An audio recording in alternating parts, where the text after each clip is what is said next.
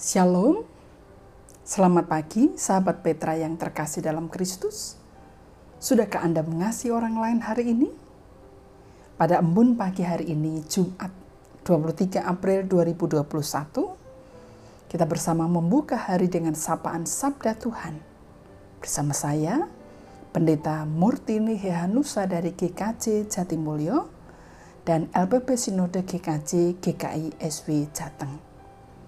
Adapun tema renungan hari ini adalah Pentakosta. Tema ini didasarkan pada bacaan kisah para rasul 2 ayat 1 sampai 13 dan ayat 33. Mari kita siapkan hati dengan merendahkan diri di hadapan Allah bersama kita berdoa.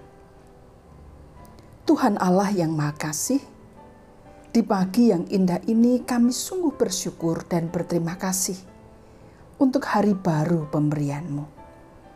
Terima kasih untuk kesempatan hidup yang masih Tuhan karuniakan kepada kami, anak-anakmu. Saat ini Tuhan, kami ingin mengawali hari ini dengan mendengarkan firman-Mu. Kiranya Tuhan berkenan bersabda, kami siap mendengarkannya.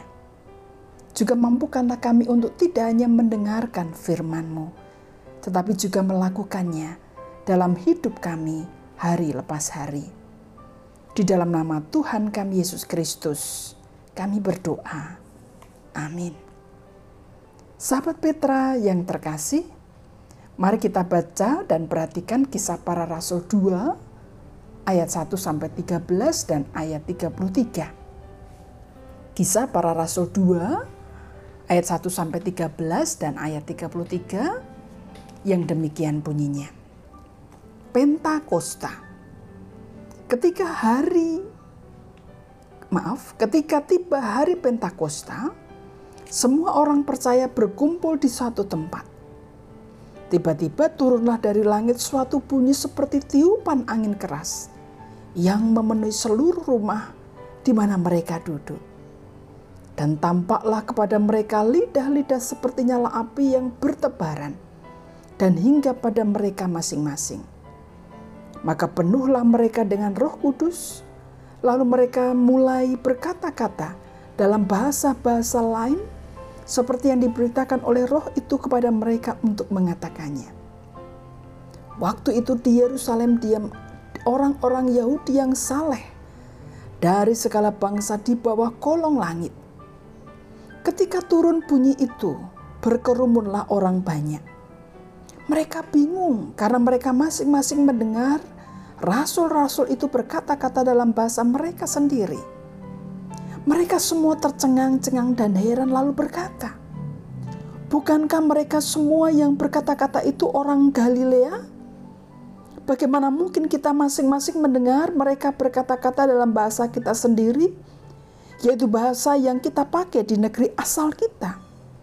Kita orang Partia, Media, Elam, penduduk Mesopotamia, Yudea dan Kapadokia, Pontus dan Asia, Frigia dan Pamfilia, Mesir dan daerah-daerah Libya yang berdekatan dengan Kirene, pendatang-pendatang dari Roma, baik orang Yahudi maupun penganut agama Yahudi, orang Kreta dan orang Arab.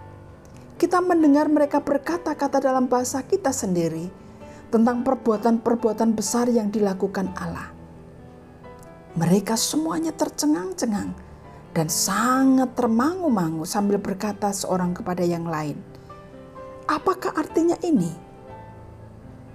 Tetapi orang lain menyindir, mereka sedang mabuk oleh anggur manis.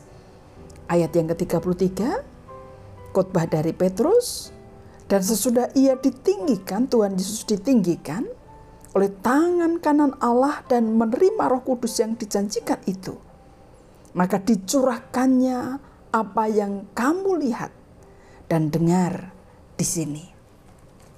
Sahabat Petra yang terkasih, ketika kita membaca peristiwa Pentakosta dalam bacaan kita tadi, maka ada satu hal penting yang segera kita dapatkan, yaitu bahwa janji Tuhan Yesus sungguh ia penuhi melalui peristiwa Pentakosta. Janji Tuhan adalah ya dan amin janjinya pasti ia tepati. Ia tidak pernah lalai dan tidak akan pernah abai terhadap orang-orang yang dikasihinya. Peristiwa Pentakosta adalah penggenapan janji Tuhan Yesus kepada para murid bahwa ia akan memberikan seorang penolong yang lain yang akan menyertai para murid selama-lamanya setelah ia kembali ke surga. Saudara-saudara bisa baca di Yohanes 14 ayat 16 sampai 18. Penolong itu adalah Roh Kudus yang tidak hanya menolong para murid untuk menjalani segala tantangan dan hambatan, yang dialami dalam hidup sehari-hari, tetapi juga yang akan memberikan kekuatan yang dinamis, sehingga para murid akan mampu menjadi saksi Tuhan di seluruh muka bumi. Dan semua janji itu terbukti dalam peristiwa Pentakosta. Diceritakan pada saat itu bahwa para murid sedang berkumpul di suatu tempat untuk merayakan Pentakosta Yahudi hari raya yang bersama-sama dirayakan oleh orang-orang Yahudi. Tiba-tiba turunlah dari langit suatu bunyi seperti tiupan angin keras yang memenuhi rumah di mana mereka duduk.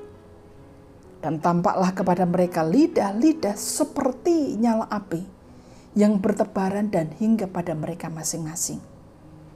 Maka penuhlah mereka dengan roh kudus, lalu mereka mulai berkata-kata dalam bahasa lain ada yang berkata-kata dalam bahasa Partia, Media, Elam, Mesopotamia, Yudea, Kapadokia, Pontus, Asia, Frigia, Pamfilia, Mesir, Libya, Roma, Kreta, dan Arab. Mereka bisa berkata-kata dalam berbagai bahasa, seperti yang diberikan oleh Roh Kudus kepada mereka. Sebagian besar bahasa tersebut sebelumnya tidak pernah mereka kenal dan mereka pelajari, tidak pernah. Dengan berbagai bahasa itu mereka mampu berkata-kata tentang perbuatan-perbuatan besar yang telah Allah lakukan melalui Tuhan Yesus Kristus. Semua itu menjadikan orang-orang dari berbagai penjuru yang pada saat itu datang ke Yerusalem untuk merayakan Pentakosta itu menjadi tercengang dan heran. Mereka heran dan bertanya-tanya. Mereka heran dan bertanya-tanya, bisa murid-murid Yesus yang adalah orang-orang Galilea yang tidak berpendidikan tinggi itu bisa dengan jelas berbicara dengan bahasa kita? Dan kita dapat memahami perkataan para murid Yesus itu dengan baik. Sahabat Petra terkasih, peristiwa Pentakosta tersebut mengingatkan kita bahwa jikalau Roh Kudus berkarya dalam hidup kita, maka tidak ada yang mustahil dalam hidup ini. Secara duniawi, memang mustahil para murid dapat berkata-kata dalam berbagai bahasa asing. Tetapi karena kuasa Roh Kudus, mereka mampu berkata-kata dalam bahasa asing yang tidak pernah mereka pelajari sebelumnya. Semua itu juga adalah buah dari ketekunan mereka dalam bersekutu bersama dan untuk menantikan pengenapan janji Tuhan, yaitu pencurahan Roh Kudus. Kisah para Rasul 1 mengatakan bahwa setelah mereka menyaksikan sendiri Tuhan Yesus naik ke sorga dan bagaimana malaikat Tuhan menguatkan mereka, para murid semua kemudian dengan tekun dan dengan sehati senantiasa berdoa bersama-sama. Mereka tekun dan sehati menantikan pencurahan Roh Kudus. Dan pada akhirnya hal itu sungguh-sungguh mereka alami dalam peristiwa Pentakosta. Petrus dalam khotbahnya di depan banyak orang yang saat itu ada menyaksikan bahwa Yesus yang telah disiksa dan disalibkan itu telah dibangkitkan Allah. Dan mereka, para murid adalah saksinya. Petrus selanjutnya mengatakan dalam ayat 33 pasal 2. Dan sesudah ia ditinggikan oleh tangan kanan Allah dan menerima roh kudus yang dijanjikan itu, maka dicurahkannya apa yang kamu lihat dan dengar di sini. Sahabat Petra terkasih, kesehatian dan kesungguhan dalam berdoa bersama menantikan janji Tuhan membuahkan hasil yang luar biasa. Tuhan tidak pernah lalai terhadap janjinya. Tetapi manusia juga dituntut untuk setia dan tekun menantikan secara aktif atas apa yang dijanjikan Tuhan, seperti yang dilakukan oleh para murid tadi. Belajar dari peristiwa Pentakosta, kita diajak untuk meyakini bahwa janji Tuhan pasti akan digenapi. Ia akan melakukan apa yang dijanjikannya pada waktunya. Yang Tuhan minta dari kita adalah terus bertekun, sehati sepikir, berdoa bersama-sama, serta aktif dalam menantikan pemenuhan janji Tuhan. Yang jelas, Roh Kudus yang telah dikaruniakan kepada para murid Kristus pada hari Pentakosta itu juga akan dikaruniakan kepada kita umat yang percaya kepadanya. Roh Kudus itu yang akan memampukan kita untuk bisa menjalani hidup yang penuh dengan tantangan dan persoalan, dengan penuh sukacita, tidak mudah putus asa, dan selalu punya pengharapan. Saudara, sahabat Petra Tekasih, dalam suatu acara di sebuah stasiun televisi swasta, diceritakan tentang perjuangan seorang putra asli Papua yang kini menjadi staf khusus Presiden Republik Indonesia.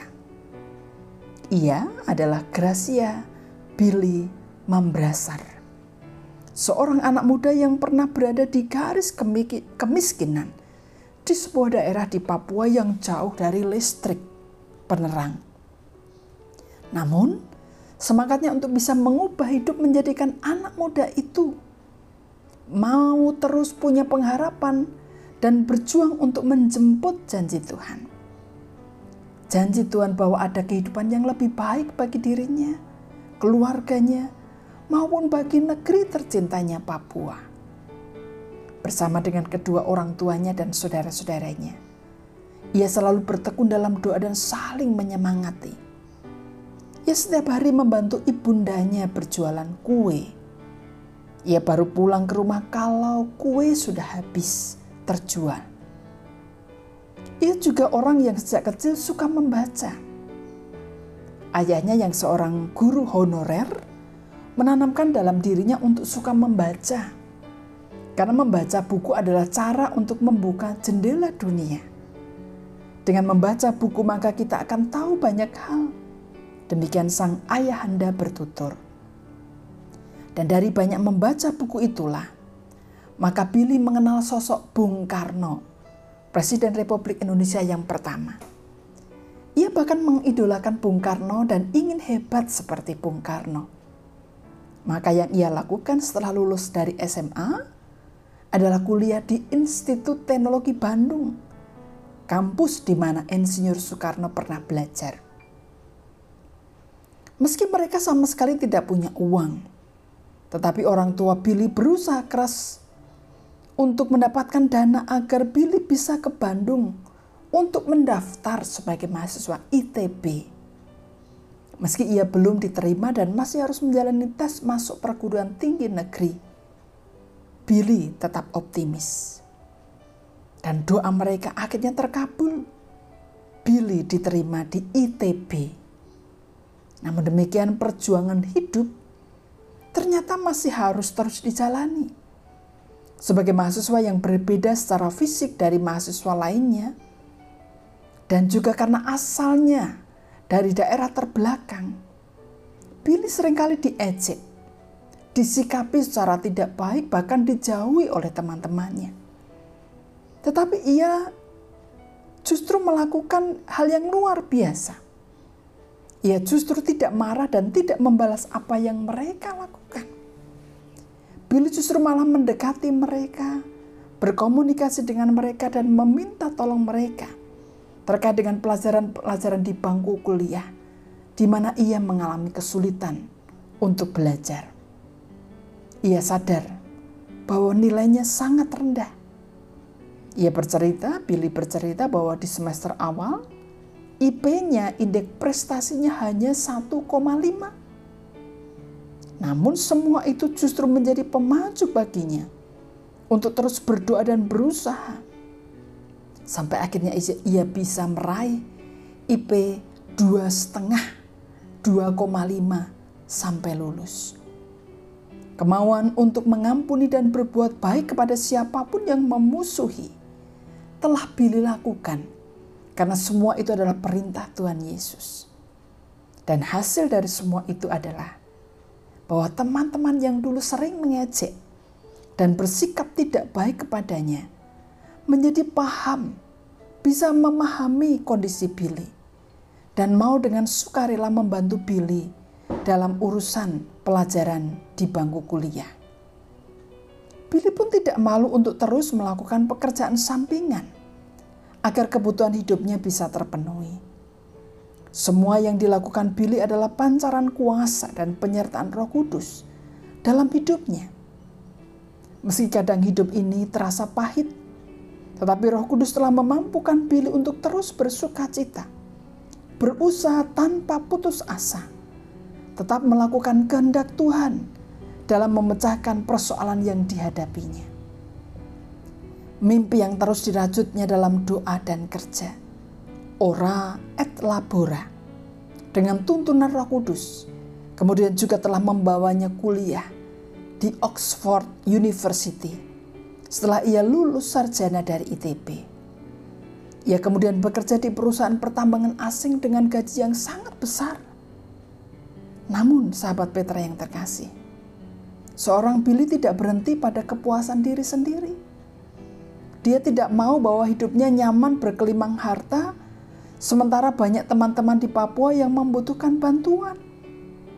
Panggilannya untuk bersaksi dan menjadi berkat bagi tanah kelahirannya, menjadikannya mengambil keputusan untuk keluar dari pekerjaan dan mendirikan yayasan yang bernama Kitong Bisa Learning Center atau disingkat KBLC. Kitong Bisa Learning Center. Itu didirikan pada tahun 2009. Yayasan, yayasan itu bertujuan membantu pendidikan anak-anak Papua yang kurang beruntung.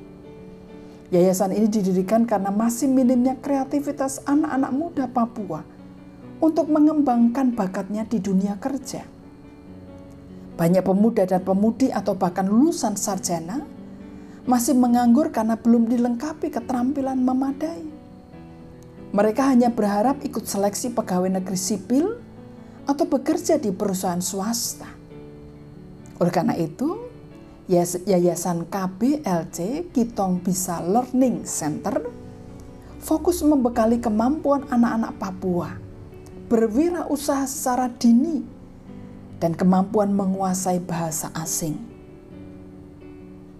Kiranya Billy terus menjadi anak Tuhan yang luar biasa dan kiranya ada banyak bili-bili lain di negeri ini. Kemiskinan jangan sampai menjadikan kita putus asa. Tetapi berjuanglah terus untuk meraih mimpi dan menjadi berkat bagi banyak orang untuk menyaksikan kasih Tuhan.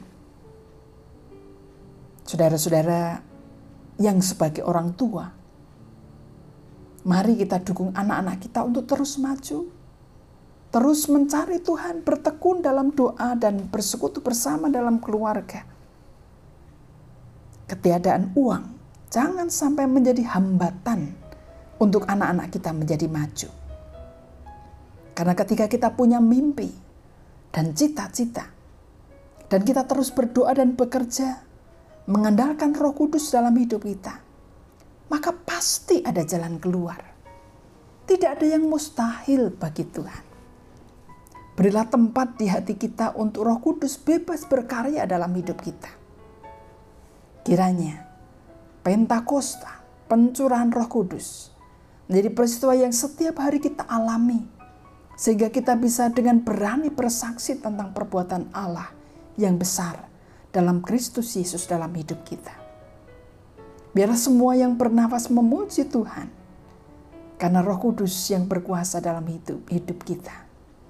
Tuhan memberkati. Amin. Mari kita berdoa. Tuhan, terima kasih untuk firman yang boleh kami renungkan bersama.